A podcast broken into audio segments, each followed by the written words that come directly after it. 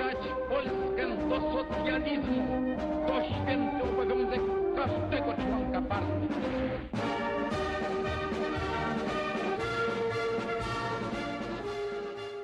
Witam wszystkich e, słuchaczy, mm, towarzyszki i towarzyszy.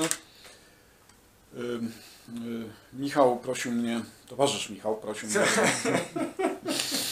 żebym e, powiedział e, kilka e, słów na temat mojej ewolucji ideowej z pozycji prawicowych, narodowych w stronę lewicy. No to jest trudna sprawa, ponieważ trzeba opowiedzieć o jakimś tam wieloletnim procesie ideowej ewolucji, no ale zgodziłem się mm, no, udzielić takiej mm, wypowiedzi z dwóch względów. No, po pierwsze z tego względu, że e, wokół mojej osoby w niektórych środowiskach lewicowych, no raczej wąskich powiedzmy, narosło trochę y, nieporozumień. Byłem wielokrotnie atakowany y, przez część środowisk lewicowych, zwłaszcza ze względu y, na moje zaangażowanie w sprawę Donbasu. Byłem atakowany jako faszysta, mm, jakiś y, na, na, nacjonalista, kwestionowano moją, y, moją lewicowość, więc, więc może no, chciałbym to zdementować, bo tak naprawdę nigdy tego nie robiłem, bo uważałem, że to jest bez sensu na polemizowanie z takimi absurdalnymi zarzutami.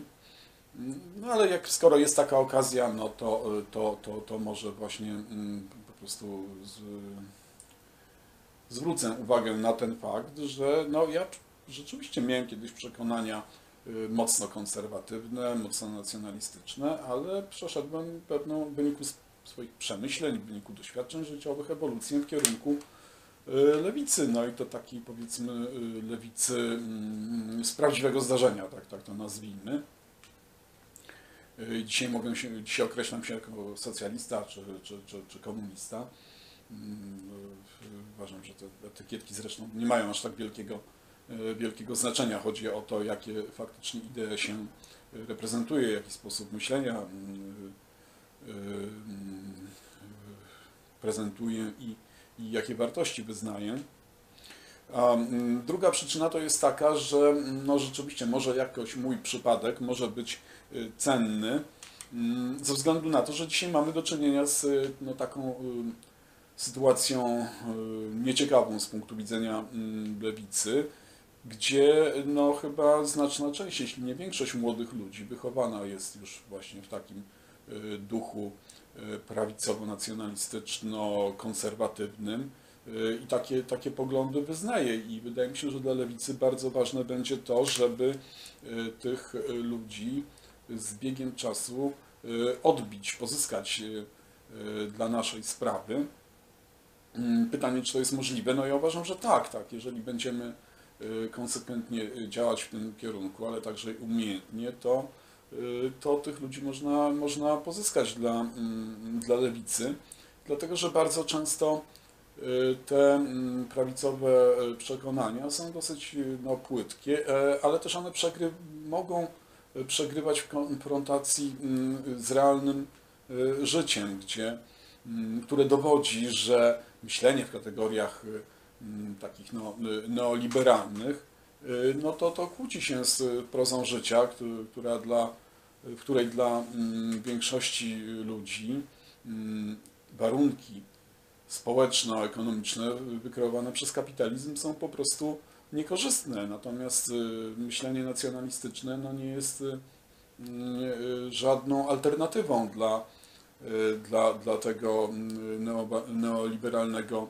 barbarzyńskiego kapitalizmu.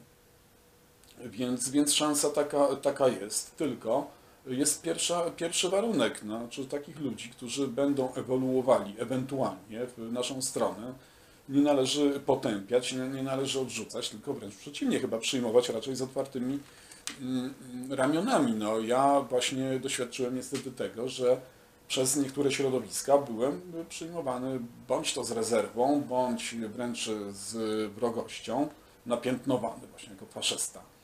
tylko dlatego, że powiedzmy wyznawałem w pewnych sprawach odmienne poglądy w ramach powiedzmy obozu lewicowego niż, niż, moi, y, niż moi oponenci.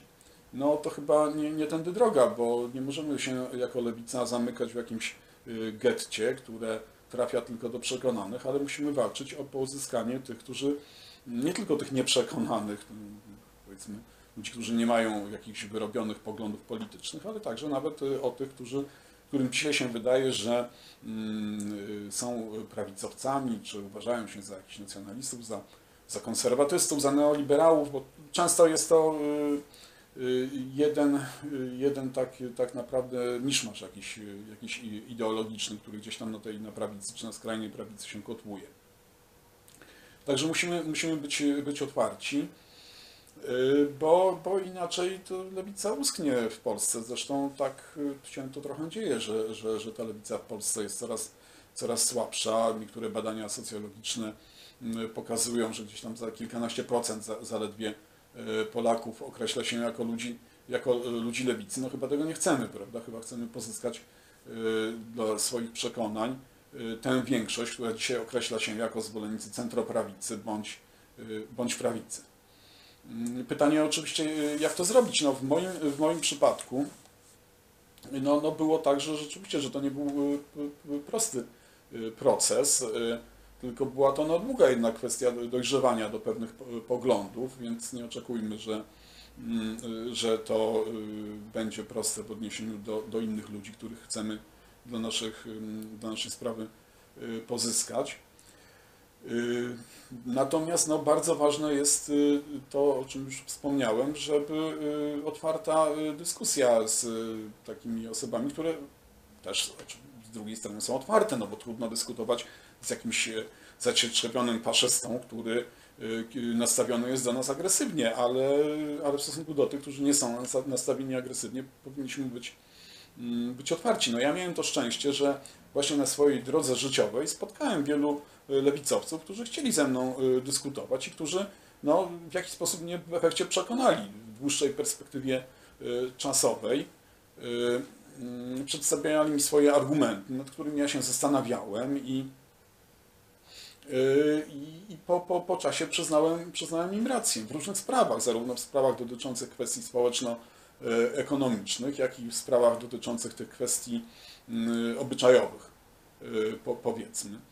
Więc mm, to też pokazuje trochę, że, że gdzieś ta lewica y, no, w Polsce była obecna, że, mm, że ja na takich ludzi y, trafiłem. Akurat w moim przypadku było to, y, to tak, że ja funkcjonowałem w takim no, dosyć y, ciekawym środowisku, jakim było grono kibiców Polonii Warszawa, gdzie przez długie lata na trybunach mm, koegzystowali ze sobą ludzie o przekonaniach lewicowych i, prawicowych. I to często bardzo właśnie takich mocno lewicowych. No, było na przykład liczne środowisko ana- anarchistyczne, y, które no, było bardzo aktywne w ruchu kibicowskim Polonii Warszawa. To już jest dzisiaj przeszłość niestety, ale, mm, ale przez długi czas tak było. Y, Z drugiej strony no, byli też ludzie o przekonaniach y, y, bardzo mocno często prawicowych, jacyś skinheadzi o nacjonalistycznej orientacji.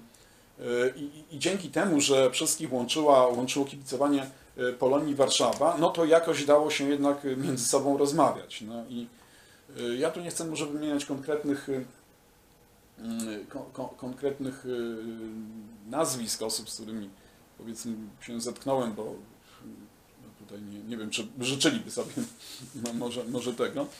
Natomiast, natomiast chodzi mi o sam, sam pewien klimat. No, prawda? Rzeczywiście y, więź kibicowska była na tyle, y, przez długi czas to się utrzymywało, była na tyle istotnym czynnikiem, y, że, że, że y, powiedzmy pozwalała, y, łączyła wielu ludzi mocniej niż antagonizmy polityczne. I to była, dzięki temu tworzyła się taka przestrzeń, przestrzeń dialogu. Dzisiaj chyba takich, takich pól wspólnych, gdzie ludzie o tych przekonaniach mogą się spotkać, brakuje. Y, Także na Polonii Warszawa, gdzie, mm, gdzie rządy na trybunach zostały mm, przejęte przez kręgi nacjonalistyczne w efekcie, i, mm, i gdzie środowiska lewicowe w znacznym stopniu zostały, właściwie zostały w ogóle wyeliminowane z trybun. No ale jednak funkcjonujemy przecież wszyscy jakoś w jednym społeczeństwie.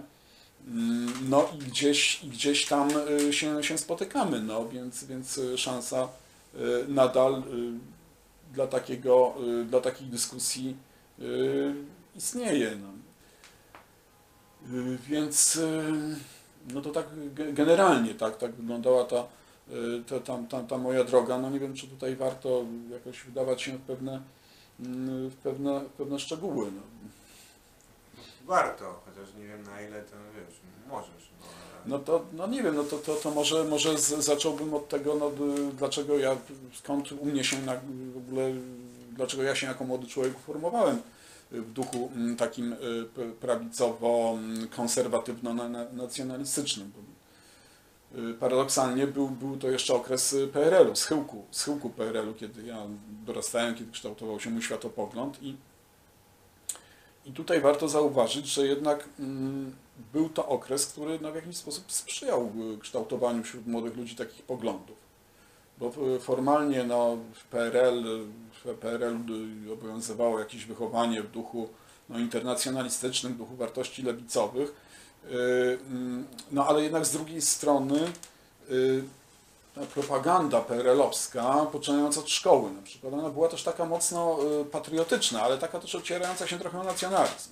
Bardzo wychowywano młodzież w tym no, Polska to jest coś ważnego, prawda, że, że, że, mm, że powinniśmy być patriotami. To po pierwsze. Po drugie, y, ważna była mm, rola y, Kościoła katolickiego, który w wielu kręgach no, pełnił tak naprawdę, sprawował rząd, rząd dusz. No, ja się wywodziłem z rodziny robotniczej, gdzie cały ten, y, w tych czasach Kościół miał czas ogromny autorytet, no i było to oczywiste, że chodziło się na lekcje religii, że chodziło się do kościoła na mszę i, y, i ten Kościół kształtował światopogląd. W, efe- w efekcie powstawała właśnie taka mieszanka, taka katolicko-patriotyczna. No i mnie to doprowadziło gdzieś tam do, ponieważ y, mm, Ym, No, interesowałem się polityką, byłem, chciałem coś robić w tym okresie, zresztą było to powszechne zj- zjawisko, bo był to schyłek y, PRL-u. Czasy zresztą no, mocno nieciekawe, dlatego że ten końc, ta końcówka PRL-u, no to już było takie, takie gnicie tego, tego systemu, prawda, kiedy rządy Jaruzelskiego, gdzie, gdzie ta idea socjalistyczna naprawdę bardzo słabo oddziaływała, rzeczywistość y, ówczesna społeczna i- ekonomiczna nie, nie przekonywała do idei socjalistycznych no, partia była w znacznym stopniu zdegenerowana, nie, nie przyciągała ani partia, ani, y, ani organizacje młodzieżowe. Mm, No i tak naprawdę klimat był taki, że jeżeli coś chciało się y, robić, działać w polityce, to, to, to, to ludzie szli w kierunku ugrupowań opozycyjnych, różnego, różnego typu, prawda, tych po- podziemnych, no powiedzmy. Ja się, ja trafiłem właśnie gdzieś tam y, w, w, tym, w tym kierunku.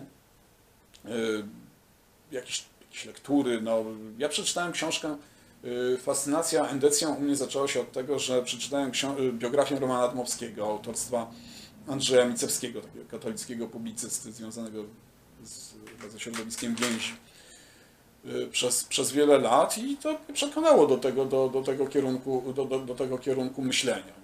Micewski zwraca uwagę na takie aspekty myśli Dmowskiego, jak y, znaczenie y, ziem zachodnich, w ogóle tej orientacji tak antyniemieckiej w myśli, myśli Romana, Romana Dmowskiego, podkreślał znaczenie Dmowskiego dla odzyskania niepodległości przez Polskę, znaczenie tego myślenia mm, realistycznego mm, w polityce, który zrywał z polską tradycją romantyczno-powstańczą. To mnie przekonywało, uznałem, że endecja to jest właśnie jakiś kierunek polityczny, y, który no, ma- rację generalnie, tak, że to jest y, jakiś i- jakiś, jakiś poważny kierunek polityczny, który realizował interesy Polski. A ja jako patriota uważałem, że y, trzeba działać zgodnie z interesem Polski. W efekcie trafiłem do takiej organizacji o nazwie Narodowe Odrodzenie Polski, mm, zresztą było, która działa do dzisiaj, ale dzisiaj to już jest y, coś innego. Oni przejęli taką jakąś ideologię y, fair position, to są to dla mnie dosyć egzotyczne, egzotyczne tematy. Wówczas to było ugrupowanie, które nawiązywało do no raczej do pewnego odłamu ONR-u, który był takim, mm, mm, ONR konkretnie było, był to, e, była to grupa ONR ABC, która miała taki charakter bardzo konserwaty- konserwatywno-katolicki. Ale my jako grupa ewoluowaliśmy, w efekcie bardzo szybko trafiłem do mm, znanej wówczas partii y, znaczącej w pierwszym okresie trzeciej RP do Zjednoczenia Chrześcijańsko-Narodowego. Tam też byłem mocno zaangażowany politycznie. Y, Potem przez wiele lat y, pracowałem jako, jako dziennikarz y, endeckiego tygodnika Myśl Polska. I tutaj też ważna była, była rola tego tygodnika, tego środowiska w ewolucji, mojej ewolucji ideowej, ponieważ mm, ta grupa przeszła też taką pewną ewolucję, to środowisko skupione wokół tej redakcji, przeszła taką ewolucję w kierunku antyliberalnym, jeżeli chodzi o kwestie ekonomiczne. Znaczy, zaczę, zaczęliśmy tam analizować pewne y, procesy, które miały miejsce w Polsce w latach 90. i doszliśmy do wniosku, że te wszystkie neoliberalne reformy są niekorzystne dla społeczeństwa polskiego i że należy szukać jakiejś alternatywy. Y, Zaczęliśmy mówić o tym, że potrzebny jest program antyliberalny y, dla, dla Polski. Ja poszedłem trochę po, powiedzmy dalej w tej, w tej ewolucji i zadałem sobie pytanie, ale antyliberalny to jaki? No, Nie można budować na zasadzie negacji, prawda? Znaczy antyliberalny to tak naprawdę socjalny, a jeżeli socjalny to, to już konsekwentnie rzecz biorąc socjalistyczny. No i to gdzieś tam otworzyło taką refleksję i ewolucję mm, mm, w kierunku myśli lewicowej i zacząłem się interesować po prostu myślą lewicową. To zbiegło się z tym, że y, zmieniłem pracę. Ja właśnie przez wiele lat pracowałem w sporcie. Właśnie byłem, pracowałem dla klubu piłkarskiego Polonia Warszawa i byłem wtedy przez, to było lat ponad 10 chyba, w ogóle poza polityką, ponieważ ja między innymi w ramach Polonii zajmowałem się lobbyingiem, lobbyingiem na rzecz klubu w strukturach samorządowych, więc siłą rzeczy też y, dystansowałem się od wszystkich partii politycznych od, i pracowałem ze wszystkimi. Pracowałem z ludźmi z SLD i z, i z PO i z, mm, i z, mm, i z PiSu.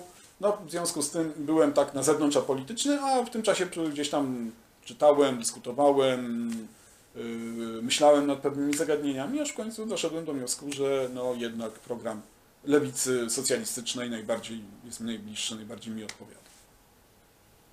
Więc jest to praca, jest to kwestia rzeczywiście no, wytężonej, długotrwałej pracy i nie każdy oczywiście ma y, ochotę, y, żeby tak intensywnie pracować nad sobą. No, ludzie pozostają w takich, mm, mm, spoczywają na laurach, gdzieś tam ukształtują swoje poglądy i potem już tak powiedzmy y, siłą inercji w tym tkwią, no to wtedy to jest jakiś, jakiś problem, tak? Więc y, siłą rzeczy no, i tak będziemy w stanie dotrzeć tylko do tych, którzy właśnie chcą nad siebie pracować, chcą, mają otwarte umysły, chcą, mm, chcą się czegoś dowiedzieć, chcą, chcą cały czas przewartościowywać pewne swoje przekonania, dogmaty. No dobrze, to może pytanie zadam. Jakbyś miał dać taką receptę. Jest młody człowiek z rodziny robotniczej, który sam, no, pochodzenie społeczne robotnicze, sam pracuje gdzieś tam na umowie śmieciowej, no, nie ma właściwie żadnego obiektywnego powodu, dla którego miał on ten kapitalizm kochać, ale równocześnie nosi koszulkę z żołnierzami wyklętymi, wychodzi na ulicę, krzyczy precz z komuną, śmierć wrogom ojczyzny i coś takiego. No, jak ty byś do niego przemówił, no, że... Znaczy sprawa jest trudna, no, jeżeli mamy do czynienia z jakimś człowiekiem, którego spotykamy na ulicy, prawda? Bo, bo, bo, no, bo, no, bo w takich realiach, w takich warunkach no, no, trudno, trudno dyskutować. No, mówię, bardzo są potrzebne jakieś wspólne gdzieś przestrzenie, debaty, no, choćby nieformalne, jakieś towarzyskie spotkania. Nie, no, to jest trudna sprawa. W dzisiejszych, w dzisiejszych realiach to jest rzeczywiście trudna sprawa, bo, y, no, bo ciężko dotrzeć nam, nam lewicy, ciężko dotrzeć do takich ludzi y, jakąś drogą pośrednią, za pośrednictwem mediów, no bo, bo tych mediów prawie nie ma. No, jest twój kanał, tak, towarzysz Michał, y, czy podobne mm, por- różnego rodzaju portale internetowe. No tylko one mają y, ograniczone pole zasięgu, ale, no, ale to, jest, to jest jakiś kierunek, tak? Znaczy, bo y, trzeba liczyć na to, że mm, że znajdą się jacyś ludzie, którzy będą chcieli po prostu skonfrontować swoje poglądy z innymi, poznać się, y, po, dowiedzieć się, mm, co planuje, co knuje wróg, tak? A jakimi kategoriami ten nasz wróg tak naprawdę, tak naprawdę myśli, no ponieważ ja funkcjonując w takich środowiskach y, właśnie tych nacjonalistyczno-konserwatywno-prawicowych miałem y, bardzo mm, opatrzne wyobrażenie y, o, le- o, o lewicy. No. To znaczy, wydawało mi się, że to są jacyś ludzie, którzy y, tylko y, koncentrują się na tych kwestiach właśnie takich mm, światopoglądowo obyczajowych, że to są jacyś ateiści, aborcjoniści, że, że, że, że nie ma już takiej y, lewicy mm, y, społecznej, y, y, lewicy klasowej, lewicy, która dba po prostu o interesy ekonomiczne zwykłego człowieka.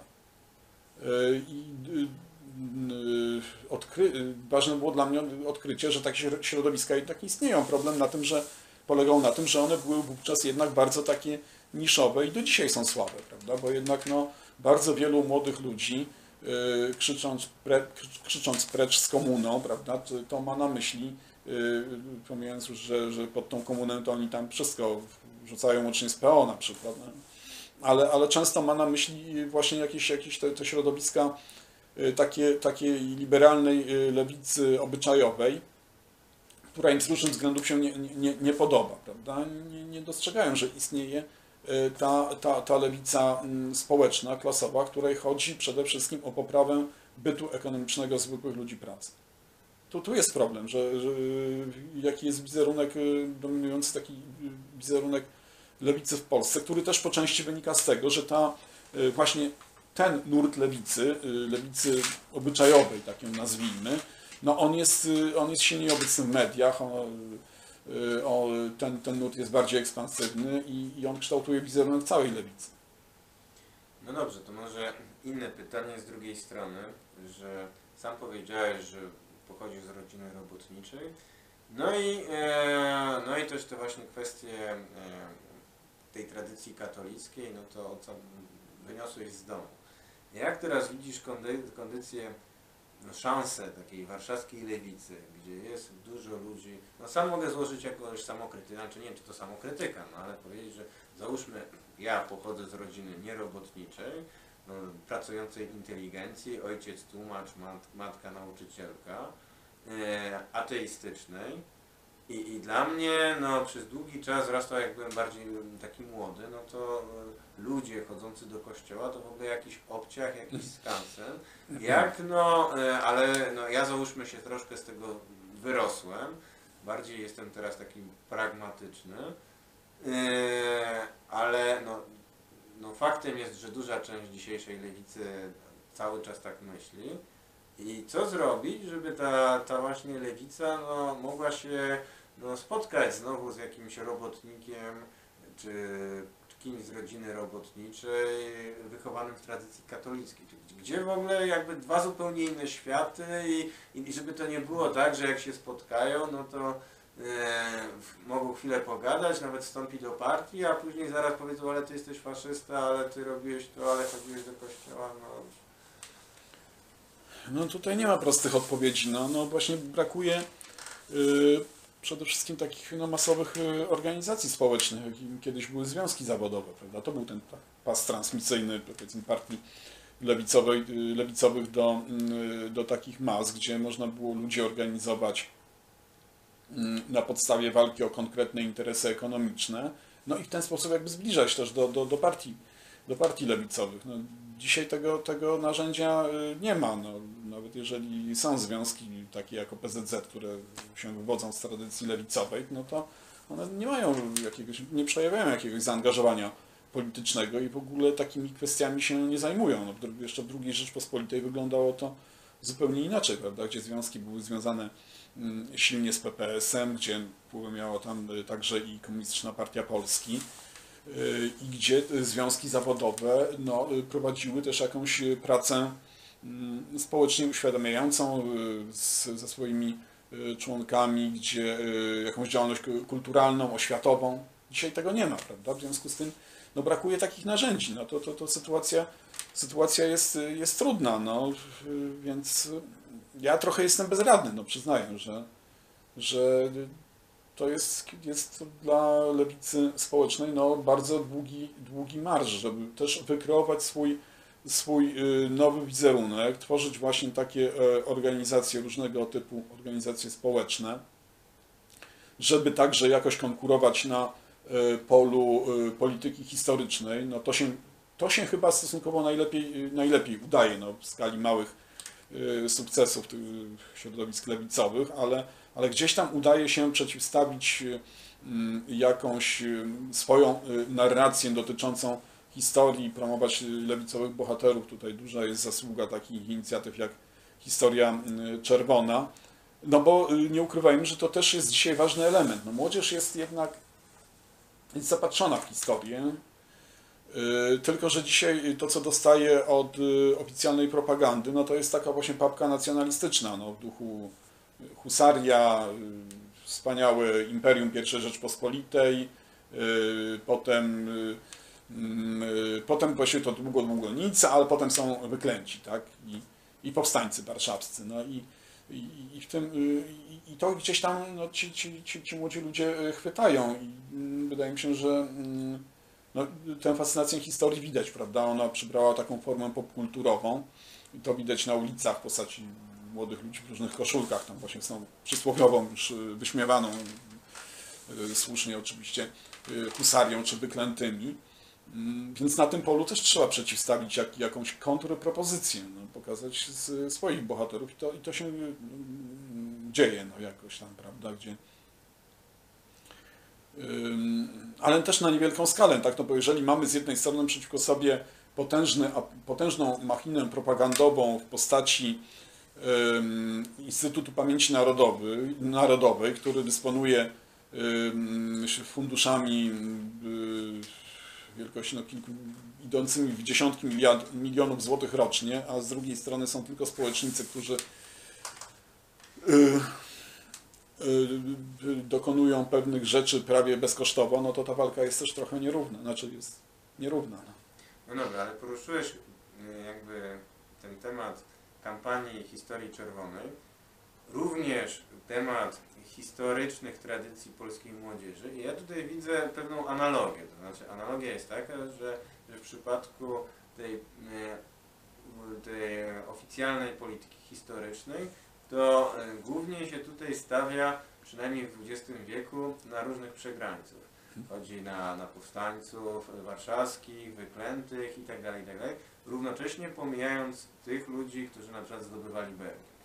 E, Mój zarzut w stosunku do, do kampanii Historia Czerwona jest taka, że no, pod słusznym jakby koncentrowaniem się na przykładzie na przykład proletariatczyków, no to proletariatczycy od tej strony takiej no, czy, czy, czystych sukcesów, to też byli przegrańcy, to znaczy organizacja, która mało co osiągnęła, a później w dodatku tragicznie skończyła, były wyroki, były tam ludzie powieszeni, byli, Baryński zginął w, twierdzy i tak tak więc no, e, czy to nie jest troszkę tak, że, że żeby coś zaskoczyło, że ludzie potrzebują jakichś takich no, bohaterów rewolucyjnych, którzy nie tylko przegrywali, ładnie ginęli, ale też takich, którzy, którzy niekoniecznie i, i niby, którzy też wygrywali. I są tacy, tacy bohaterowie w polskiej historii, są tacy bohaterowie w międzynarodowej historii, ale żeby chociażby daleko nie szukać, no jak jest, jak jest y, impreza pod Cytadelą, gdzie jest tam na przykład no, ku Wareńskiego i Kunickiego, no to w tej samej Cytadeli siedział Felix Dzierżyński. E, I to jest przykład człowieka, który no, no, em, wiele, wiele lat, wiele razy był więziony, uczestnik rewolucji 905 roku i tak dalej, i tak dalej. Bardzo tutaj no, taki bohaterski żywot, który w końcu jednak pokazuje, że dobro może zwyciężyć. I mi brakuje tego no, w działalności historii czerwonej, że tacy, takich ludzi jak Dzierżyński, czy takich ludzi, którzy później, no, włączając się w PPR, przeprowadzali reformy społeczne, no właściwie jedyne sukcesy polskiego proletariatu dla mnie to są te właśnie lata 40-50, kiedy rzeczywiście no, z tym kapitalizmem można było walczyć w sposób zwycięski, a tego historia czerwona nie promuje. Nie, no nie do końca, dlatego że historia czerwona oprócz p- promocji, no, można powiedzieć w jakimś sensie przegranych w postaci tak jak boj- bojownicy proletariatu, czy, czy jak y, Dąbrowsztacy, Dąbrowsztacy, których tutaj właśnie książkę Piotra Ciszowskiego możemy, możemy y, polecić na, na naszym widzom. No to oprócz tego kampania czerwona była zaangażowana w obronę dekomunizowanych nazw ulic, gdzie znaczna y, część tych nazw była no, poświęcana właśnie tym zwycięskim bohaterom, poczynając od y, Armii Ludowej y, chociażby, prawda? Z drugiej strony no, jest także zaangażowanie w obronę pomników Armii Czerwonej, no to nie dotyczy polskiej lewicy, ale generalnie, prawda, jakiegoś no, wspólnego, wspólnego y, bloku no, związanego z tradycjami lewicowymi, komunistycznymi.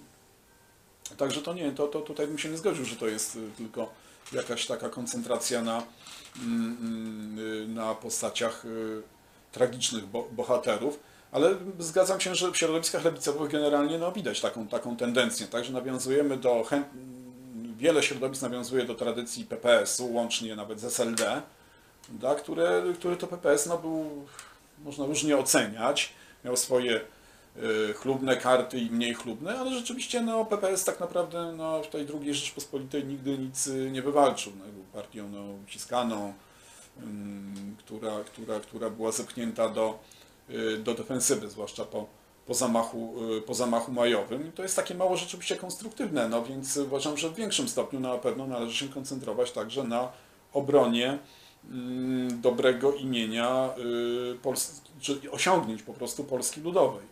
No tutaj też się dużo, dużo w tym kierunku akurat dzieje. No może, y, może nie, nie, nie tyle, mm, to już nie dotyczy samej kampanii Historia y, Czerwona, ale innych środowisk. No, y, ja bym zwrócił uwagę na przykład na to, co robi tygodnik Przegląd, który wydaje sporo pozycji książkowych poświęconych, ale także publikuje artykuły poświęcone właśnie mm, wyjaśnianiu mm, znaczy obro- obrony, obrony wizerunku po- Polski Ludowych, no, Polski Ludowej właśnie, gdzie, gdzie, gdzie próbuje się, gdzie autorzy próbują mm, y, uderzać w pewne, pewne cz- czarne mity, które, które propaganda e, prawicowa e, forsuje w odniesieniu do Polski Ludowej. Oczywiście, na pewno, na pewno tak, no to, to jest ważne. Osiągnięcia Polski Ludowej, historia Ludowego Wojska Polskiego, Armii Ludowej. Wiesz, no chociażby dla Ciebie, no, jako osoby wychowanej w tradycji katolickiej, to Felix Dzierżyński, który no, na pewno też wychował się w tradycji katolickiej, a jest taka legenda, że on być może do końca życia był, był wierzący. Więc no chociażby dlatego tego, tym Felixem Dzierżyńskim należałoby się zająć. I tutaj mnie, mnie uderza dysonans. Dysonans między Różą Luksemburg a Felixem Dzierżyńskim. W końcu obie te postacie działały w jednej partii, tworzyły tą partię SDKPIL i, e, i Róża Luksemburg, która no, jest czczona, jest taką ikoną międzynarodowej lewicy. I to nie jest wstyd mówić, że ja się przyznaję do tradycji Róży Luksemburg, jeżdżę do Berlina, jeżdżę gdzie indziej, właśnie e, e, która w końcu no, też była rewolucjonistką, próbowała zrobić rewolucję w Niemczech, nieudaną, ale jednak no, była. e, I ten Felix Dzierżeński, który no, jest całkowicie jakoś wymazany, wymazany z przeszłości. Nikt nie chce no, się tym Felixem zająć. Dlaczego? Tylko dlatego, no bo jest no, wyjątkowo ostra, agresywna kampania potępiająca tego Dzierżyńskiego. Ja właśnie rolę, rolę, rolę takiej kampanii Historia Czerwonej to jest właśnie no, bronić tych naprawdę, naprawdę wyklętych, no bo ten Dzierżyński jest takim, no, no to jest odwaga, to jest odwaga właśnie, no, e, w Polsce bronić Feliksa Dzierżyńskiego, a jeśli nie bronić tego Feliksa Dzierżyńskiego, to, to chciałbym się dowiedzieć dlaczego, no. Kto, kto jest, no, no, co, to, co takiego zrobił złego ten Felix Dzierżyński, że polska lewica nie chce go bronić? Znaczy, po, powiedział tak, no, że naprawdę no, jest tyle rzeczy do zrobienia mm, i że, no nie wiem, czy akurat to jest kwestia pierwszoplanowa, żeby się koncentrować na postaci Fe, Feliksa y, Dzierżyńskiego, no, który rzeczywiście mm, był postacią no, bardzo ciekawą. Ja mogę powiedzieć tutaj w charakterze takiej ciekawostki, że w mm, nowej ekspozycji po remoncie Muzeum y, Dziesiątego Pawilonu Cytadeli Warszawskiej y, jest y, mm, y, y, upamiętniona cela, w której y, y, był więziony Felix Dzierżyński y, i gdzie mm, no, y, autorzy ekspozycji w tej jego y, celi y, jako element wystroju y, umieścili y, Biblię. Ponieważ e, tam podczas jednego mm, jest taka his- historia, że Felix Dzierżyński przeczytał Biblię po raz pierwszy podczas jednego z pobytów właśnie, właśnie tam w dziesiątym pawilonie. No i wyciągnął z tego pewne no, takie wnioski, że właśnie tak w jakimś sensie Jezus Chrystus i Biblia to jest, to jest ten Nowy Testament konkretnie, tutaj, prawda, który mówi, opowiada historię Chrystusa, to jest jakaś inspiracja dla, mm, dla, dla nas rewolucjonistów, prawda, no co jest e, ciekawym faktem, zresztą pisali o tym również jego, jego biografowie, Sylwia Froło w tej ostatniej, mm, niedawno wydanej jego biografii, Y, Więc, więc myślę, że, tak, że takie fakty mm, y, także warto, na, na takie fakty warto zwracać uwagę. No i tym bardziej, jeżeli w mm, publicznej państwowej placówce, jaką jest y, y, Muzeum y, Dziesiątego Pawilonu, mm, postać Feliksa Dzierżyńskiego jest y, jakoś uwzględniona, nie mówię, że honorowana, ale jest uwzględniona, no to, to tak, no to zgoda, no to także i y, środowiska lewicowe y, nie powinny uciekać od, od um, przypominania tej postaci. No ale mówię, to też nie jest jakiś priorytet, tak? Nie, nie, nie przesadzajmy chyba. No. Nie no dobrze, to ja może powiem o innym przykładzie, że, że dwa czy trzy dni temu na portalu Strike.eu była, był artykuł dotyczący Zaleszan. W tych Zaleszanach była zbrodnia, której dokonał y, ten Raimund Reis Bury, wyklęty i, i więc on tam wymordował białoruskich chłopów. Y, No i, no i partia razem y, pojechała tam y, do tych Zaleszan, złożyła kwiaty i ogólnie oddała cześć ofiarom tego Burego. Y, I teraz tak, no, jedna rzecz mnie uderza, to znaczy tych, y, tych ofiar wyklętych to jest ponad 5 tysięcy Polaków. Z tych 5 tysięcy Polaków zdecydowana większość tych ludzi y, to są członkowie PPR, to są jacyś milicjanci, y, to są ich rodziny. Ich rodziny. Y, Ci ludzie, którzy zginęli w tych Zaleszanach, to jest pewnie jeden z niewielu przypadków właśnie czystki etnicznej na ludziach, którzy po prostu zostali zabici ze względu na nie za swoją przynależność partyjną, ale ze swoją przynależność narodową. I, i, i, i uderza mnie, że, że właśnie ta partia razem okej, oddaje hołd ofiarom żołnierzom wyklętych, ale tylko tym, którzy nie należeli do PPR-u. Bo jeśli ktoś już został zabity przez, przez, przez, e, przez wyklętych, ale należał do PPR, a nie, nie, nie, to, to on nas nie interesuje jako totalitarysta. No chyba tak, no, bardzo prawdopodobne, że członkowie partii razem mają takie motywacje, mm, to, chociaż no, trudno mi tak tutaj aut- autorytetem mnie się wypowiadać, no, natomiast na pewno na, mm, ta zbrodnia w Zaleszanach jest, no, jest głośna, no, między innymi z tego względu, że akurat środowiska y, prawosławne czy, czy, czy białoruskie no, są bardzo aktywne w upamiętnianiu, przy, przypominaniu tego y, haniebnego zdarzenia. W związku z tym no, ono stało się trochę takim y, symbolem rzeczywiście tych prześladowań, mm, tych zbrodni dokonanych przez reakcyjne podziemie. Stąd no, no nie brakuje rzeczywiście, ale na, na pewno jest faktem, że y, brakuje takich y, upamiętnień. No, y, ale też warto przypomnieć, że to, to nie jest tak, że, że, że nic się nie robi w tym kierunku. Są przecież co roku organizowane uroczystości pod pomnikiem w Rząbcu, y, w powiedzmy świętokrzyskim, gdzie, gdzie oddział NSZ wymordował, Brygady Świętokrzyskiej NSZ wymordował partyzantów y, mm, Armii Ludowej i, żołnierzy mm, i partyzantów radzieckich. Więc y, mm, no, tylko może brakuje takiego rozgłosu, prawda, w stosunku do, do akurat tamtych, y, tamtych uroczystości, ale więc na pewno warto pracować, trzeba pracować w tym kierunku. A czy mógłbyś powiedzieć, znaczy to jest takie bardziej osobiste pytanie, ale, ale chodzi o tą kwestię wiary, bo no jednak no yy, twoja ewolucja polityczna, no to jest jakby na dwóch etapach. No, z jednej strony no, byłeś członkiem Narodowego Odrodzenia Polski, czyli załóżmy organizacji nacjonalistycznej.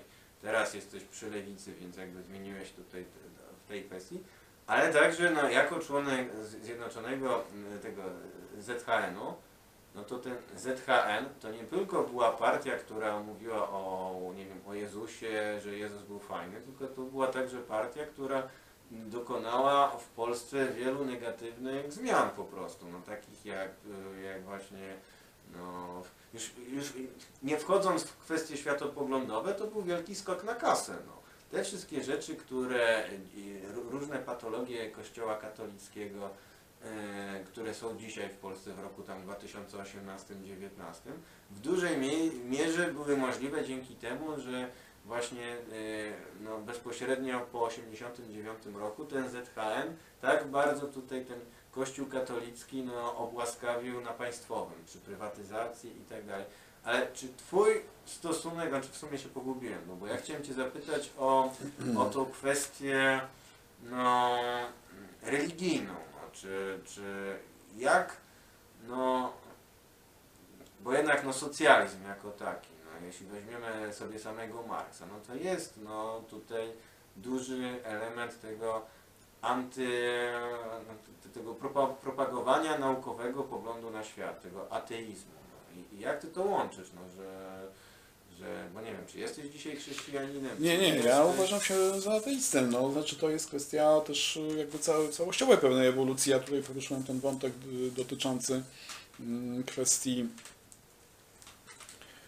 społeczno-ekonomicznych, no bo uważam, że to jest najważniejsze, tak, w programie, w programie lewicy to jest, to jest, powinno być przynajmniej podstawą, nie wszystkie środowiska lewicowe z tym się zgodzą, ale nie, no gdzieś tam przez te lata, kiedy, kiedy byłem poza polityką kompletnie i mm, zajmowałem się czymś innym, no to y, dokonywałem jakby rewizji swojego światopoglądu na różnych płaszczyznach, w tym y, na płaszczyźnie także i, i, i religijnej, no i, i to mnie doprowadziło do zakwestionowania także i tamtych dogmatów. No to jest trochę tak, że jak się gdzieś tam usunie jeden z y, y, y, elementów jakiejś konstrukcji, to się ona potem zaczyna u fundamentów, tak to ona się zaczyna sypać. No i, mm, i w moim przypadku tak było.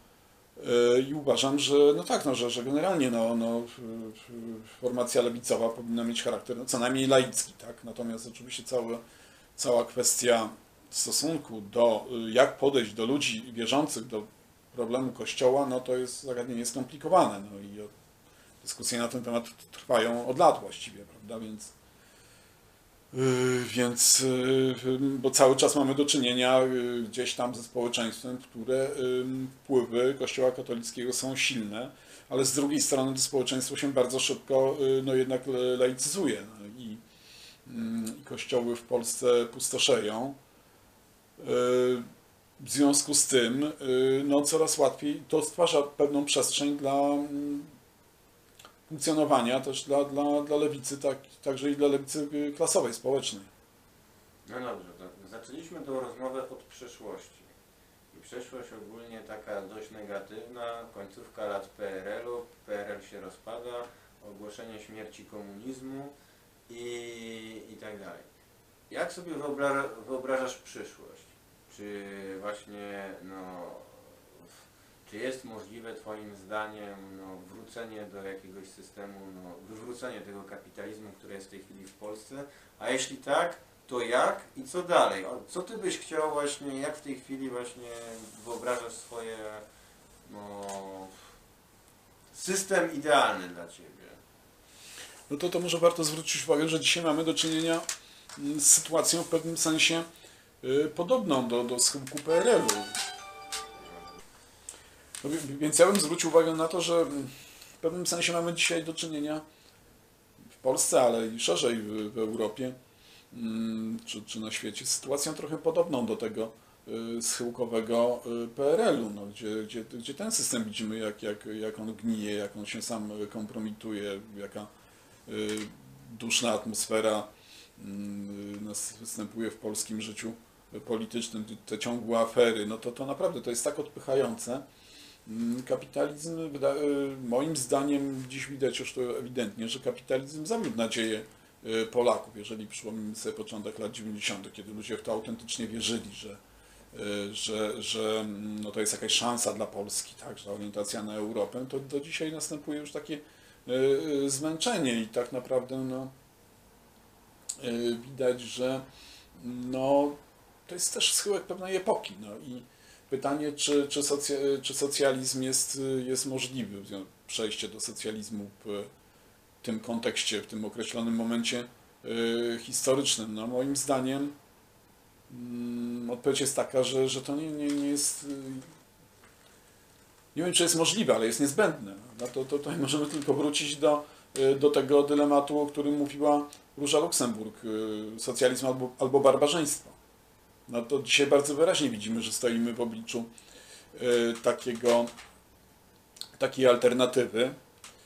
Y, No i ja jestem przekonany, znaczy dla mnie takim impulsem do działania, działania może za dużo powiedziane, no gdzieś tam do, do identyfikowania się y, z lewicą, no to jest właśnie dążenie do, do socjalizmu. No, ja uważam, że dla zwykłego człowieka życie w tym neoliberalnym kapitalizmie, innego nie będzie, może być tylko, tylko gorszy, no to, to, to, to jest koszmar, tak? I, i jeżeli jakiś, jest jakiś sens angażować się y, politycznie, to tylko w tym celu, żeby ten system y, obalić i żeby zastąpić go ustrojem y, socjalistycznym. No, jak ten socjalizm będzie w przyszłości będzie wyglądał, no to, to, to się okaże. Do, do tej pory y, próby wprowadzenia ustrojów socjalistycznych y, można oceniać różnie.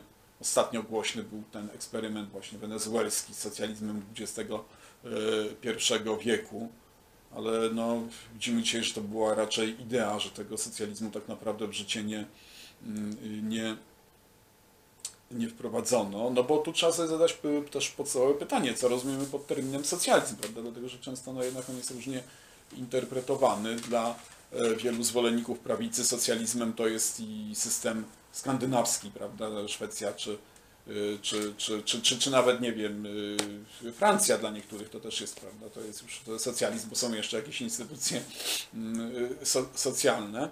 No, ale jeżeli przyjrzymy się z takiej no, mm, marksistowskiej perspektywy, no to wiadomo, że podstawową kwestią to są środki produkcji, własność środków produkcji. No i stąd płynie władza i ten, kto ma środki y, produkcji, to de- de- decyduje o, o dystrybucji y, dóbr, o podziale tego mm, majątku, który wypracowujemy. Więc, więc o, to, o to idzie walka. Tak? W Wenezueli tego nie zrobiono, nie, y, y, rewolucja bolivariańska nie doprowadziła do przejęcia środków produkcji, no i widzimy, że skutkuje to bardzo negatywnymi mm, sytuacjami. Więc, y, więc y, to ten socjalizm, który chcemy budować, no to po prostu uspołecznienie środków produkcji i doprowadzenie do tego, żebyśmy to my byli y, gospodarzami swoich krajów, czy to Polski, czy, czy Francji. No, e, mogę powiedzieć tylko tyle, że, że podoba mi się ta odpowiedź. A, a czy mógłbyś powiedzieć jeszcze, jak to robić? To musiałbym chwilę pomyśleć, dłuższą chwilę. No dobra. No, ja rozmawiamy tutaj we Francji, ja dokąd y, przyjechałem nie bez celu, bo chciałbym się przyjrzeć ruchowi żółtych kamizelek, tej, y, jak oni to nazywają, rewolucji francuskiej, bo wprost tutaj mówią Francuzi, że tu się dokonuje rewolucja. Może na wyrost, nie, niektórzy twierdzą, że, na, że, że, na, że są to słowa na wyrost, no ale, y, no ale to być może te żółte kamizelki dadzą nam taką nową nadzieję i odpowiedź na to, w jakim kierunku powinniśmy ten, jak powinniśmy działać, żeby mm, no, o te socjalistyczne cele skutecznie walczyć. Znaczy, no ja ze swojej strony mogę powiedzieć, że na pewno żółte kamizelki nie zrobią rewolucji w sensie zmienienia, zmienienia st- stosunków własności. To, co już zrobiły żółte ka- kamizelki i co już można nazwać rewolucją, to jest rewolucja w świadomości. To znaczy ludzie, którzy do tej pory no, y, utożsamiali sami siebie z klasą średnią i przez to pokładali jakąś nadzieję w tym systemie, y, teraz no, mówią o sobie, że są klasą ludową. Przyznali, no to jest taka trudna rzecz, po prostu spojrzeć w lustro i powiedzieć, no w tym systemie nie mam przyszłości, żyję w nędzy i, I bo, bo do tej pory ludzie tak wstydzili się po prostu, no, przede wszystkim wstydzili się sąsiada, przyznać, że no, to jest raczej taka rywalizacja, kto będzie tutaj bogatszy. No, a tutaj się okazało, że i jeden, i drugi, i ten, że wszy- wszy- wszystkim dzieje się źle i, i ludzie sobie to uświadomili.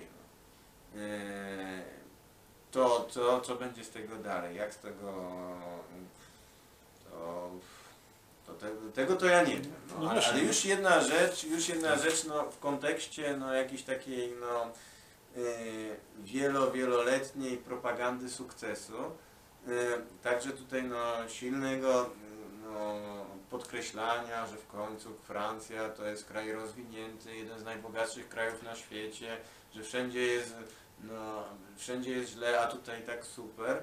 I ludzie tak nie chcieli, po prostu to ich blokowało. No. To ich blokowało, żeby przy, spojrzeć obiektywnie na swoją sytuację.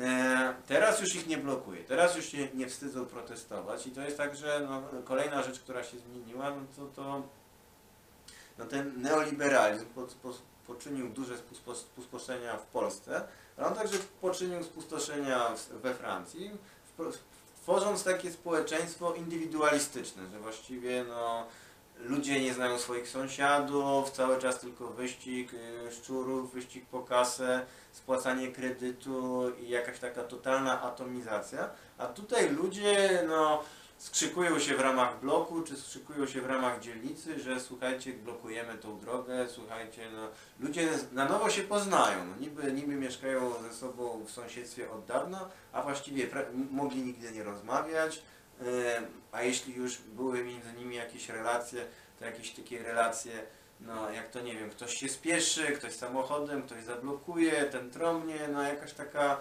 no taki stres, taki pośpiech, jakaś taka, taka negatyw, dużo, dużo negatywnych emocji, a nagle zmienia się to, że ludzie przychodzą na te ronda, rozmawiają ze sobą, no, łączy ich nienawiść do Macrona, łączy ich jakaś no, niechęć i także chęć dyskusji, bo sporo tych ludzi to są ludzie, którzy przyznają, że oni nigdy się polityką nie interesowali, że jak, jak przychodzą, to po pierwsze rozmawiają między sobą, tam zawsze są jacyś no jednak no, polityczni wyjadacze, którzy po to przychodzą, żeby rozmawiać, żeby agitować. I jest bardzo, bardzo ciekawa atmosfera. No, mam nadzieję, że to zobaczysz. Znaczy ja nie wiem jakie mamy plany, czy, czy w soboty to ty wolisz demonstrować, czy, czy zobaczyć te ronda. Jedno i drugie ciekawe, no ale na rondach przynajmniej nie ma tych, nie ma Gazu. Nie ma gazu. tak. No tak, no to jest bardzo dużo, no ten przełom świadomości. No to dokąd to nas zaprowadzi, no oczywiście nie wiemy, no ale myślę, że logika wydarzeń jest taka, że y, no pcha tutaj y, Francuzów w stronę pewnej radykalizacji i takiego myślenia klasowego. No to jest fundament dalszych działań. A jak już mówię o takich zmianach, to jeszcze zmianą jest sam Paryż. No, Paryż jest traktowane jako miasto święte, miasto turystyczne, miasto, w którym no, no nie jest do pomyślenia, że, że w, w stolicy, jak tutaj czasami w mediach mówią, że Paryż to jest stolica świata. Że to nie jest do pomyślenia w ogóle taka sytuacja, że, że policja to może e, po prostu otoczyć demonstrantów, zacząć ich gazować, zacząć strzelać no właśnie tymi plastikowymi kulami, które tam wybijają oczy ludziom to po prostu się, no to jest szok. To jest szok, że, że coś takiego oni widzieli. Oni widzą, nie wiem, w krajach afrykańskich regularnie, widzą w jakichś innych tam, jest jakiś pucz, jest jakiś taki scen. Ale tutaj, w Unii Europejskiej, we Francji? Więc no, póki co to jest troszkę tak, że, że człowiek no, no nagle dostał zimny prysznic i trzeźwieje, no.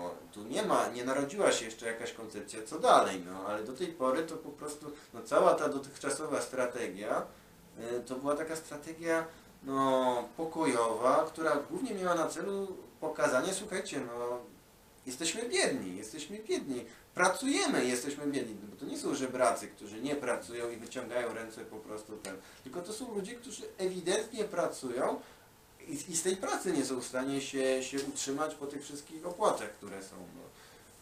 Więc, Ale pamiętajmy, że zaczęło się od protestów o podwyżkę cen paliwa o kilka eurocentów y, bodajże w związku, a teraz chodzi już o coś, o coś więcej, prawda? Więc pytanie, dokąd, dokąd nas to wszystko zaprowadzi. no to na razie jest pytanie bez odpowiedzi. No, jesteśmy w toku wielkiego, mam nadzieję, wielkiego procesu historycznego. Ja cieszę się, że, że tutaj przyjechałeś i, i równocześnie no, yy, no, chciałbym tutaj no jednak pokazać. Ja mam takie wrażenie, no, że ja prze- przeżywam coś historycznego, coś yy, i to jest jedyna rzecz, która powoduje, że ja co, co sobotę tam jeżdżę, bo mnie to, ja już jestem zmęczony. Cały czas pracuję i weekend jest po to, żeby odpocząć. Weekend jest po to, żeby spędzić czas z żoną. Ja każdą sobotę właściwie, no jak już jadę do tego Paryża, to wychodzę rano, wracam wieczorem, wracam padnięty. Ostatnio jeszcze wróciłem y, z tymi, no, jeszcze z tymi wszystkimi przygodami. No. Ale no, całe życie na to czekałem. Całe życie czekałem na to, żeby być w jakimś takim miejscu, w jakimś momencie, żeby, żeby uczestniczyć w jakiejś takiej, no, to co do tej pory znałem z książek i z, z opowieści, nagle widzę tą przemianę społeczną ludzi, no widzę widzę na żywe oczy, no i po prostu no tak jakby, nie wiem, jest ta postać Johna Reeda, Amerykanina, który przyjechał do Rosji tylko po to, żeby, bo tam się działa rewolucja i on chciał to, to przeżywać, oddychać tym, tym powietrzem rewolucyjnym. No, przyjechałeś jako właśnie dziennikarz społeczny, aktywista, zobaczyć to, ale mnie to zastanawia, dlaczego tak mało innych Polaków się tym interesuje. Bo był taki moment interesowania się w grudniu, kiedy rzeczywiście te żółte kamizelki, one no tam y, Paryż płoną. I wtedy media polskie zaczęły o tym mówić. Media polskie przestały o tym mówić. Polska lewica przestała się tym interesować. No. To jest, bardzo e, trafna uwaga. Znaczy problem polega na tym, że niestety e, po- polska lewica no, jest, e, jest bardzo taka szeroko to rozumiana polska lewica jest jednak bardzo mm, prowincjonalna, parafialna można, można by powiedzieć. Oczywiście jak są jakieś akcje mm, takie gdzieś tam poddawane przez mainstream, typu, że y, no, y, Rosjanie mordują Aleppo albo, y, albo atakują Ukrainę, no to wtedy, prawda, wiele osób się tym przejmuje, gdzieś tam sobie wstawia jakieś na Facebooku jakieś odpowiednie tam symbole nagle, ale gdzie jak temat jakiś znika z głównych mediów, to on przestaje też funkcjonować w większości środowisk lewicowych. No i ja ba- bardzo, bardzo nad tym ubolewam. No, myślę, że musimy pracować nad tym, żeby, y, żeby to zmienić, bo, bo często też wynika to z braku y, informacji, to znaczy mm, no, część środowisk tych powiedzmy głównych polityków lewicowych, to oni żyją swoim własnym życiem i tam ich interesują y, jakieś gry ich wewnętrzne, jakieś koterie, ich interesują wybory parlamentarne, prawda? Nie takie problemy faktycznej walki społecznej, to do nich nie dotrzemy ale mm, y, wiele osób po prostu nie wie o tym, co tutaj się dzieje, dlatego że media w Polsce przestały informować. No i to jest y, i tę blo- y, blokadę informacyjną trzeba przełamywać. Tak troszkę, żeby nie krytykować tą polską lewicę, mogę powiedzieć, że francuska lewica też jest zagubiona. Że naprawdę jest tak, że poza, no, no ja na przykład co roku uczestniczę w takim festynie organizowaną, organizowaną przez organizację trockistowską Litouvrière. Mają taki tam, mają taką imprezę, tam trzy dni, jakichś tam dyskusji, jakichś festynów, kilka tysięcy osób tam przyjeżdża. I, I ci ludzie całkowicie się za, za, za, zagubili.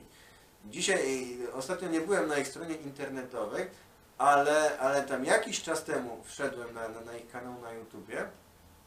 No, oni nic, nic na ten temat. No, ich e, za- zatrzymali się całkowicie. Po prostu tak jakby no, boją się, e, boją się zabrać, e, zabrać głos, a bo, bo, bo później ktoś im wyciągnie coś. No, no bo są problemy. Tu nie ma co się ukrywać, że, że, żółty, y, że, że ruch żółtych kamizelek to ani nie został stworzony przez radykalną lewicę, ani też nie jest to ruch y, stuprocentowo radykalnie lewicowy. To się nie ma co oszukiwać.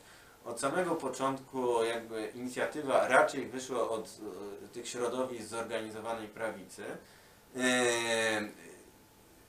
więc te środowiska cały czas tam są. Po prostu no, w momencie, kiedy no, głównym problemem jest nędza, głównym problemem jest Macron, głównym problemem jest polityka neoliberalna, no to e, ta prawica, która to zorganizowała, ona straciła dynamikę. No, to jest w tym momencie no, po prostu prezent tych radykalnej, jakiejś takiej patriotycznej, nacjonalistycznej francuskiej prawicy, dla lewicy, no tego słuchajcie, rozmuchaliśmy protest, który wy właściwie możecie przejąć, wystarczy, że wejdziecie tam ze swoją propagandą. Bo nie można, nie można wejść w taki ruch i, i bronić kapitalizmu, bronić banków. A oni właśnie mają taki pogląd, no, że, że, że no, no, kapitalizm ogólnie jest dobry, tylko no właśnie trzeba tutaj troszkę to zmienić, tam to zmienić, a to nie, no jak już się rozpoczyna, jak już ludzie mówią, ja zarabiam tyle, ja zarabiam tyle, no to nagle jakieś takie, no wszystkie te wypowiedzi tolerujące kapitalizm, no to spadają na dalszy plan, no tutaj no ewidentnie, no naprawdę Gdyby ta lewica francuska chciała, no to mogłaby ten ruch naprawdę właśnie popchnąć do przodu, przejąć i nie chce. No tak, ale ta, ten ruch chyba no, niejako samorzutnie, no, siłą pewnej logiki procesów społecznych zmierza w tym kierunku. To zresztą y, Jean-Luc Mélenchon, lider mm, tego lewicowego ugrupowania Nieuległa Francja, stwierdził, że 75% y, postulatów żółtych kamizelek to jest przepisane z programu jego partii, prawda? Więc, więc nawet jeżeli oni y, nie idą y, y, wprost z lewicą, to, to idą tą samą drogą. No tak, tak, tylko no, w przypadku Melanchona, i to jest właśnie ten problem, że to, załóżmy 75% to są postulaty przypisane od nieuległej Francji, ale są tam takie postulaty wymierzone w po prostu w zmianę systemu politycznego Francji, przede wszystkim w zlikwidowanie zawodowych polityków. Melanchon boi się tej rozmowy. To jest człowiek, który całe życie żyje z polityki, który w dodatku żyje dostatnie, który przede wszystkim jako minister i, i europoseł yy, to ja cały czas to powtarzam, ale to trzeba powtarzać. Były wybory prezydenckie yy, yy, półtora roku temu, w których byli tacy ludzie jak Fillon czy Macron, czyli naprawdę ludzie, którzy się sporo nakradli, a w oświ- w oświadczeniach majątkowych, które wszyscy musieli pokazać, okazało się, że naj, najbogatszym kandydatem jest Mélenchon. Więc Mélenchon, no, nie, choćby on, no, wszystkie te postulaty polityczne e, e, żółtych kamizelek popierał, jeden postulat jest taki, że on nie ma możliwości się z nimi ten, on po prostu jest zawodowym politykiem, a oni nie chcą zawodowych polityków i oni w dodatku chcą możliwość odwoływania człowieka, który nie spełnia ich ten. No i mają rację. Mają rację, mają rację. No, więc, kamizelki a mają rację, a nie, a nie lewicowa partia. tak, no więc, więc ja tutaj jakby nie, akurat nie mam, nie mówię o Melanchonie, bo ja w ogóle nie traktuję Melanchona jako jakiejś tam poważnej lewicowej oferty. Raczej no, wpisuję go w kontekst po prostu takiego no, no nadzorowania kapitalizmu. No, on w końcu był ministrem, on wie jak, jak, jak, jak tutaj, y, jak to wygląda po drugiej stronie. Kiedy był ministrem, także były walki społeczne, także policja pałowała demonstrantów, no więc, więc to y, ja raczej mówię o takich organizacjach, które no, mówią o sobie właśnie, że są y, marksistowskie, oddolne, że tam są ci właśnie ludzie pracy, tam, i tutaj załóżmy jest ten z NPA. On kilka rzeczy, on, on, on słusznie, on słusznie podkreślił te Chyba rzeczy. był listonoszem, tak? Tak, tak, i on jest Jest listonoszem. listonoszem. On jest listonoszem i to jest właśnie przykład takiego, no, no to jest kolejny człowiek po historii, no. Kolejny, który, który ten, że, że właśnie no, z jakichś tam względów on nie, dos, nie został nauczycielem, bo tam ten egzamin nauczyciela jest dość trudny i co roku jest coraz trudniejszy, bo oni po prostu w ten sposób niszczą zawód nauczyciela, żeby, żeby ten nauczyciel mający uprawnienia do 3 miesięcy, 3 miesięcy wakacji, żeby właściwie to już było niemożliwe. To już jest na- naprawdę dla wybitnych mózgów. Także człowiek, który skończy historię, może albo nauczać jako nauczyciel na zastępstwo, czyli po prostu taki sprekaryzowany nauczyciel, który w momencie rozpoczęcia wakacji staje się bezrobotnym. Yy, No i wraca do pracy, ma- dwa miesiące po prostu niepłacone. Yy, a- jeśli ktoś szuka stałej pracy, no to poza, poza swoim wykształceniem, więc no, yy, Mélenchon jest, je, znaczy ten, Besancenot jest, jest listonoszem. I akurat tutaj, to jak on gra tą kartą, że nie jest zawodowym politykiem, tylko że jest pracownikiem, no to on naprawdę mógłby sporo ugrać, jest tam często zapraszany teraz do, tele, do, do telewizji, tylko z kolei no NPA to są mega sekciarze, to są właśnie tacy ludzie, z którymi ty no, 15 lat temu byś się nie spotkał. Mhm. No, to są ludzie, dla którego no, jeśli ty nie, nie masz tutaj na programie całej tej kwestii, nie wiem, LGBT, aborcji, kwestii, że musisz się, jak sekta, jak sekta, że po prostu no, najpierw ileś rzeczy musisz pasować do ich schematu idealnego właśnie oddolnego jakiegoś takiego no, bojownika, który nie istnieje tak właściwie. No bo na tej prowincji, no to francuskiej, no to chociażby kwestia już y, tych kwestii no, w stosunku do, do emigrantów. Ci ludzie, oni mm, może nie są rasistami, ale też na pewno nie popierają tej całej forsowanej przez Unię polityki refugees welcome. To też jest, jak to widać też w postulatach żółtych Mhm. kamizelek, tą kwestię, no człowiek, któremu nie zostanie przyznany azyl, musi Francję opuścić. No. A z kolei NPA, no to tam jakby mówi zlikwidować granice, wpuśćmy wszystkich. I, więc brak tego porozumienia, ale to, to nie tylko na kwestii migrantów, to jest ileś różnych kwestii takich no, światopoglądowych, które sprawiają, że ci ludzie z paryskiej lewicy no, nie są w stanie się odnaleźć w tamtym ruchu i go popchnąć do przodu. No. No to jest wielka strata, że brakuje, no to jest trochę, wchodzimy w odrębny temat, tak, ale brakuje i we Francji i w Polsce takiej no, autentycznie awangardowej y, partii lewicowej, komunistycznej, która no, mogłaby ludzi pociągnąć za sobą, nadać kierunek, nadać kierunek y, protestom społecznym tym, które są i które będą się pojawiać, bo my przecież to widzimy i w Polsce, gdzie y, ruszyli się y, nauczyciele, a w tych dniach na Warszawę idą rolnicy, też pod, pod kierunkiem nowej formacji chłopskiej agrounii, no, która też powinna być dla lewicy partnerem, tak, czy obiektem jakiejś, jakiejś, jakiejś pracy ideowej, a tego nie ma. No, warto też podkreślić no, tą różnicę między żółtymi kamizelkami a polską lewicą, to jest stosunek do Unii Europejskiej. No jednak no, w przypadku tutaj tego ruchu żółtych kamizelek, ten stosunek do Unii Europejskiej, zwłaszcza do Komisji Europejskiej, no to jest mocno krytyczny, albo po prostu krytyczny, albo też no, pojawiały się tam hasła no właśnie wystąpienia Francji z Unii Europejskiej, czy, czy zorganizowania referendum. Chociażby tyle, chociażby pozwólcie nam zorganizować referendum w sprawie, czy my chcemy dalej być e, częścią Unii. E, w przypadku polskiej lewicy, no to ta kwestia Unii Europejskiej, no to no, no część tej socjaldemokratycznej lewicy to w ogóle uważa, że, że Unia Europejska jest sojusznikiem w Polsce do walki z PiSem. No. Że tutaj no, idzie faszyzm, idzie Orban, idzie Kaczyński, e, Brukselo ratuj e, przed faszyzmem. No. No to jest problem braku głębszej y, refleksji nad, y, nad rolą Polski w tym międzynarodowym y, podziale y, pracy i takie bardzo no, uproszczone y, podejście, które każe przeliczać tylko y, bilans y, składek i, i dotacji, jakie, jakie Polska z Unii Europejskiej otrzymuje, ale to jest takie bardzo zredukowane podejście, bo przecież trzeba patrzeć na problem całościowo, na, na, na problem tego, jakie są mm, efekty y, i obecności Polski w Unii Europejskiej y, i, i także w tym okresie stowarzyszeniowym. Jak to wpłynęło na polską gospodarkę i na położenie y, ludzi pracy w Polsce. Takiej refleksji nie ma. A moim zdaniem byłaby ona, no, powinna ona y, prowadzić do jakichś krytycznych ocen jednak. No, pewnie też należałoby na trzeźwo porozmawiać o, o kwestii demograficznej w Polsce, że kilka milionów wyjeżdża, kilka milionów przyjeżdża.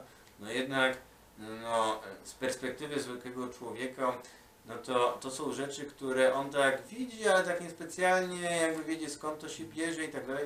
Moim zdaniem te wszystkie rzeczy zostały przewidziane i zaprogramowane przez Komisję Europejską, która od samego początku właśnie najpierw no, tak to zaprogramowała, żeby jak najwięcej Polaków wyjechało, a później no, cały ten Majdan to jest po to, że między innymi, tam jest dużo różnych przyczyn, no, ale między innymi także była kwestia no, no, emigranci z Europy Wschodniej, którzy już są członkami Unii, stają się zbyt wymagający, trzeba znaleźć kogoś tańszego. No. Nie no, mamy do czynienia z przecież sytuacją absurdalną. No, jeśli we Francji jest y, wysokie bezrobocie, ale z drugiej strony przy, przybywają tutaj imigranci z Polski, no, czego jesteś, jesteś też przykładem. I y, z drugiej strony y, Polska się wyludnia, i, y, ale na to miejsce przy, przybywają y, imigranci z Ukrainy. No, y, to jest to zjawisko no, dosyć niezrozumiałe, prawda? I chyba nie, niekoniecznie uzasadnione i z punktu widzenia y, społecznego niekorzystne generalnie.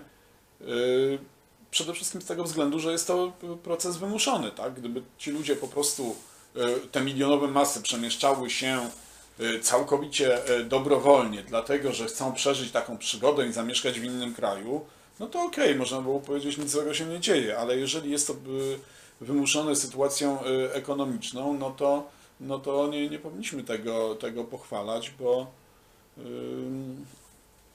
bo jest to patologia, którą wywołuje ten no, współczesny neoliberalny kapitalizm, ale także oczywiście polityka Unii Europejskiej. No może jeszcze w sprawie tych migrantów, co przyjeżdżają do Francji, to warto podkreślić.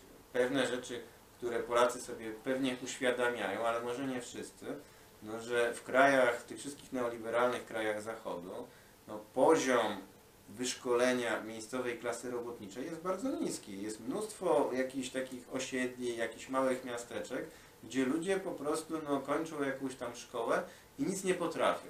Nic nie potrafią. Jedyna rzecz, którą tam e, no właśnie trafiają do jakiegoś fast foodu czy coś tam. To, że ci Polacy e, to, że ci Polacy e, właśnie opanowali, czy, czy rynek tych kierowców Mhm. ciężarówek, czy na Mhm. budownictwie jakieś prace specjalistyczne, to wynika po prostu z prostego przełożenia, że owszem, w Polsce są niższe płace, ale w Polsce także te szkolenia zawodowe to, są, to jest taniocha. No tam za załóżmy równowartość 500 euro można mieć dyplom takiego czy innego budowlańca. We Francji te, te szkolenia to jest majątek, to trzeba mieć 7 tysięcy euro. I, i, I ludzi miejscowych, którzy po prostu no, zarabiają jakąś pensję minimalną, nie, nie są w stanie opłacić takiego szkolenia swoim dzieciom.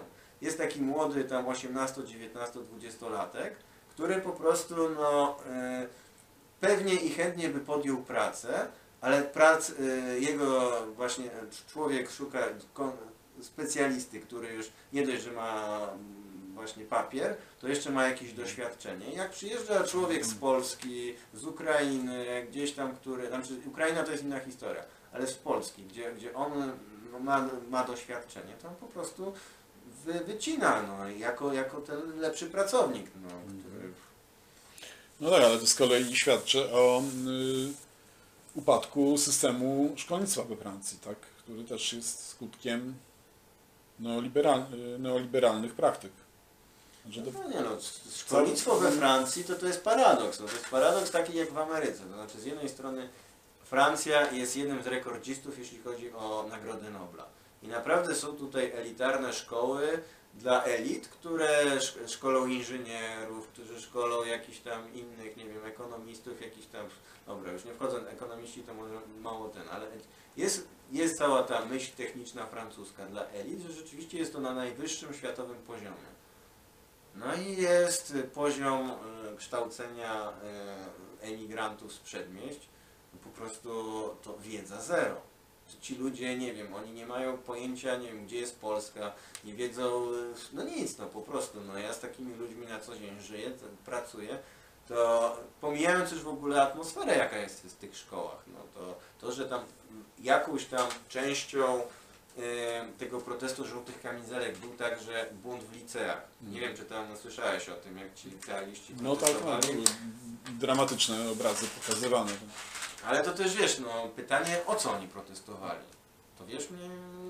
No, y, z tego co y, się dowiedziałem, między innymi od y, Moniki, to jest kwestia próby zamknięcia dostępu do szkół wyższych y, młodym ludziom z tych, y, no powiedzmy, mniej y, t- z tych nierenomowanych tak, tak, y, tak. liceów. Tak. Znaczy ja, ja dokładnie nie wiem na, na czym to polega, no ale docelowo chodzi o to, że po prostu jeśli, jeśli no wiadomo jest tak, że są pewne miejsca we Francji, gdzie szkoły są dobre, a wszystkie pozostałe są beznadziejne.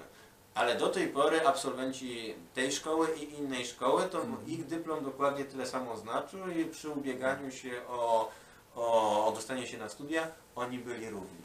Teraz już nie ma tej równości, teraz jest wprost powiedziane, że skończyłeś szkołę, owszem, ten, masz niby dyplom, którym, po którym możesz iść do McDonalda, ale to wszystko. Yy, studia od tej pory będą otwarte tylko dla, dla tych, co skończyli elitarne szkoły. I tutaj yy, równocześnie z tym pojawiła się inna rzecz, yy, co do, któ- że, że też no, do tej pory znaczy, to, nie jest akurat rzecz, która interesowała być może tych licealistów, no, ale która się poja- pojawiła jako taka tendencja, że no, od ki- kilkudziesięciu lat Francja prowadziła taki drenaż mózgów w Afryce. I te studia Mhm. dla ludzi z Afryki były bardzo tanie. To, że człowiek przyjeżdżał i płacił 200 euro za studia. Teraz oni to podwyższyli do 2000 euro. Więc sobie wyobraź y, jakiegoś takiego biednego Afrykańczyka, Bariera, który przyjeżdża, musi zapłacić za mieszkanie, musi mieć, na przy, mieć jedzenie na przeżycie i do tego jeszcze włożyć 2000 euro.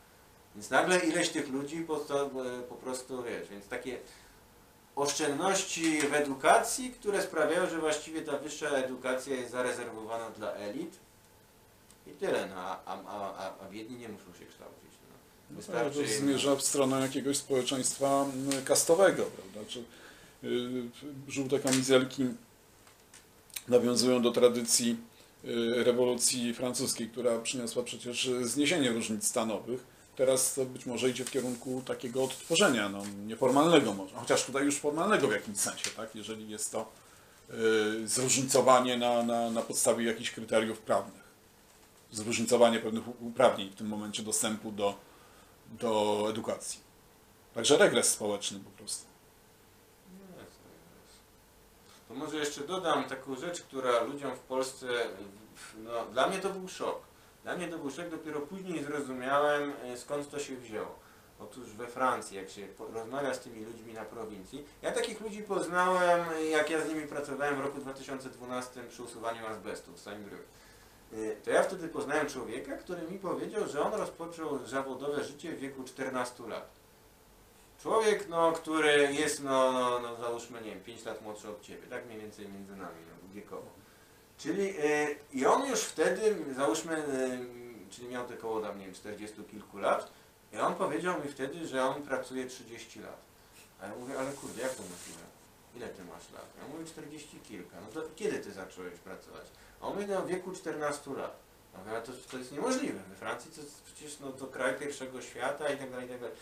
A on mi właśnie powiedział, że, tylko wtedy się nad tym nie zastanawiałem, to później Monika mi wytłumaczyła, że, że we Francji no, y, ludzie, w PRL-u był taki system, że człowiek, który studiuje, to czas studiów jest mu włączany, licz- liczany do Staż pracy. w staż pracy i później przy emeryturze, no to tam może przejść na emeryturę jako jeszcze tam no, w odpowiednim wieku. We Francji, żeby dostać pełną emeryturę, trzeba mieć przepracowane 42 lata. Więc matematycznie, jeśli jest student, który kończy studia w wieku 24 lat, załóżmy, no to 24, do tego dodasz 42, to już daje 66 lat, przy założeniu, że on nie Ciągle. miał żadnego, żadnego przestoju. Yy, więc, więc żeby mieć tą pełną emeryturę, no to de facto trzeba pracować do 70 albo i później. Albo zaczynać właśnie bardzo, bardzo wcześnie. No. No, chodzi o to, żeby to zmienić. No.